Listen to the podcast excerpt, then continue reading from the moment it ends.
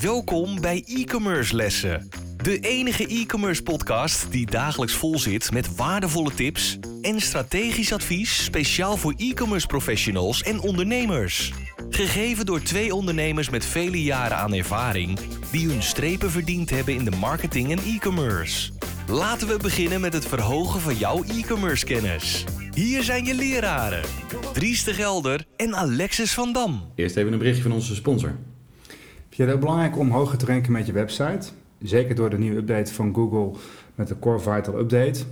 En dan eens een kijkje naar je eigen website snelheid. Wij zijn zelf onlangs verhuisd uh, van een uh, zeer trage server waar we de naam maar niet van noemen. Maar uh, inmiddels zijn we overgestapt naar Managed WP Hosting en uh, ja, we zijn van een snelheid van 10 seconden naar onder de seconde gegaan. Dus dat is een, echt een wereld van verschil. En we zien er gelijk de resultaten in Google verschijnen. Het scheelt een hoop, hè, want je krijgt gewoon meer bezoekers. En uiteindelijk uh, niemand wil wachten op een langzame website. Dus kijk eens even naar deze website en doe er je voordeel mee. Managedwphosting.nl En ze hebben ook nog eens een keer een fantastische service. Les 130. Ik ben Dries de Gelder. Ik ben Alexis van Dam. Ik ben de X-generatie. Ja, ik, ik ook. En dan kijk ik naar Dries en ik kijk naar mezelf. Ja, dat is toch lastig uh, te verkopen eerlijk gezegd. Ja, ja, ja. Jij bent de I-generatie of X-generatie. Jij zit uh, precies op de grens. Ja, nou goed, dan even bouwjaar 1980. Uh, X of Y, XI. ik was ook in een onderzoekje, nou ben ik daar de naam van kwijt en ook de precieze term kwijt. Maar het is een soort subset gemaakt.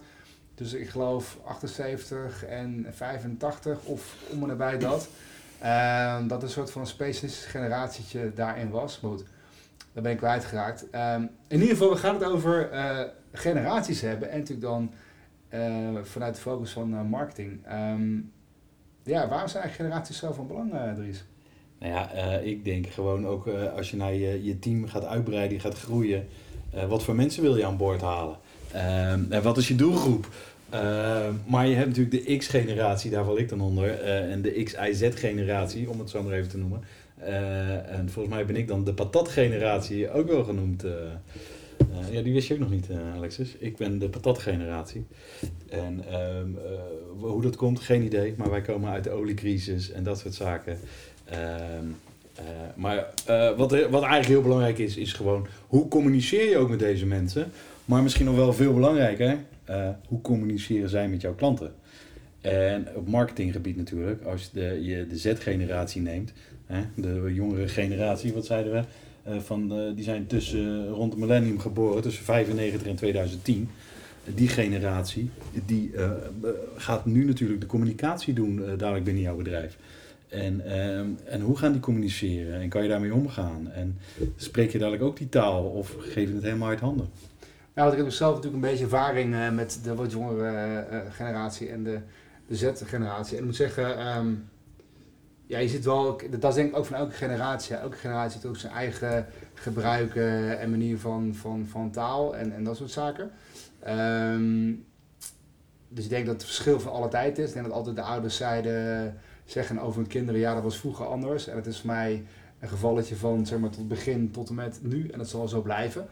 Uh, ik denk wel relevant is dat uh, hoe inderdaad uh, vanuit meer een merk, identiteit, als jij een wat, um, nou ja, weet ik veel, een soort van, um, nou ja, misschien wat meer formele bedrijf bent in hoe je in dingen zit. En opeens neem je inderdaad mensen uit de jonge generatie aan. pakken zij dat dan ook op? Of gaan zij dan toch informeel zijn? Waardoor er een soort, soort van een disbalans ontstaat tussen wat het bedrijf is, hoe zij opereren, versus met hoe het dan nu gaat. En ga je dan de jonge generatie daar ook in, um, nou, in opvoeden, als het ware, of niet? En dat zijn denk ik dingetjes die wel van belang zijn. Um, dat is één kant, dat denk ik de communicatiekant hè, van jongeren naar de doelgroep toe, maar ook naar het hoe bereik die jongere doelgroep. Als, laten we zeggen, een verzekeraar of uh, duurmerk of weet ik veel wat. Hè. Dus dat zijn dingen die wel van belang zijn. Zeker, dat is sowieso van belang. En uh, als ik even naar mezelf kijk, ook weet je wel, van een manier van communiceren. Uh, ik ben de, de X-generatie, ik ben van uh, bellen. Ik pak de telefoon, ik bel gelijk op. Hey Piet, hoe is het met je? ik wil dit geregeld hebben, ik wil dat geregeld hebben, ik wil dat geregeld hebben. kan je dit voor me doen? Kan je dat voor me doen? Hoe is het? Ehm, terwijl, weet je wel, als ik de jongere generatie bel, die nemen gewoon niet op. En uh, dan krijg je een ja, uh, wat, wat is er aan de hand? die reageren zo. En dan moet je in één keer eh, een WhatsApp-recht gaan sturen en daar je verhaal gaan doen. Ja, ik ben daar niet zo goed in. Weet je wel, ik ben beter, eh, of ik ben communicatief eh, sterker, zeg maar, eh, in een face-to-face gesprek of door de telefoon, dan dat ik even mijn verhaal op WhatsApp moet zetten van, joh, eh, hoe krijg je dat voor elkaar? Ja, daar is de jongere generatie natuurlijk gewoon veel beter in. Dus laat hun dat op die manier communiceren met jouw klanten ook. Ja, mits de klant daarop zit te wachten. Want op zich, Nou ja, dat is natuurlijk het verhaal, weet Ja. je wel. Eh, bepaal, kijk, bij welke doelgroep je... Als je je doelgroep eh, weet wie je doelgroep is, ja, dan is het natuurlijk heel simpel.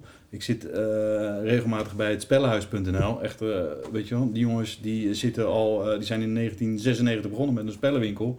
Toen waren ze zelf net in de 20. Ja, toen waren hun de doelgroep, zeg maar. En ze spraken ook die taal. Maar ze merken nu dat ze zelf, hè, ze zijn eigenaar, ze hebben inmiddels twee winkels, het groeit, online groeit, in de winkels groeien. Maar ja, hun spreken de taal niet meer van, van hun klanten. Dus zijn hun meer een stap terug gaan zetten uit het bedrijf en die hebben jongere mensen naar voren geduwd.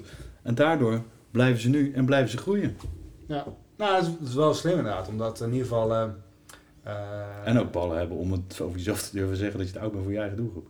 Nou ja, goed, dat, dat denk ik zeker. Als je natuurlijk in een, in een, in een groeps of in een, ehm, een doelgroep hebt die echt een stuk jonger is dan je zelf bent, dan zou je daar echt iets mee moeten doen inderdaad. Want dat, ehm eh, dat kan je natuurlijk voor een deel doen in schrift en in video's, maar het is ook de- degene die de telefoon opneemt of hoe, hoe een service wordt uit, ehm, uitgevoerd, zeg maar. Ehm, Nee, inderdaad. Als je natuurlijk gewoon alleen eh, naar je service, als je klanten te woord moet staan, die spreken ook gewoon een andere taal. En als jij nu als, eh, ook al ben je de eigenaar van een bedrijf en je krijgt zo'n millennium aan de telefoon en die heeft een klacht, ja, die moet je toch anders oplossen, denk ik, als een klacht van een X-generatie of een Y-generatie. En ja, ik denk dat we best wel het eh, onderwerp redelijk afgekaart hebben. Wat ik zou doen, zorg dat je gewoon voor elke doelgroep de juiste generatie in dienst hebt. En probeer op die manier te communiceren met je klanten. Ik zou zeggen, tot de volgende. Wij waarderen het enorm dat je weer naar een e-commerce les hebt geluisterd. Ga naar e-commercelessen.com voor nog meer interessante content over deze les en schrijf je in voor onze nieuwsbrief voor nog meer succes. Vergeet absoluut geen review te schrijven en je te abonneren op onze lessen. Einde les. E-commerce studenten, jullie kunnen de klas verlaten en vergeet de volgende lessen niet voor nog meer geweldige e-commerce resultaten.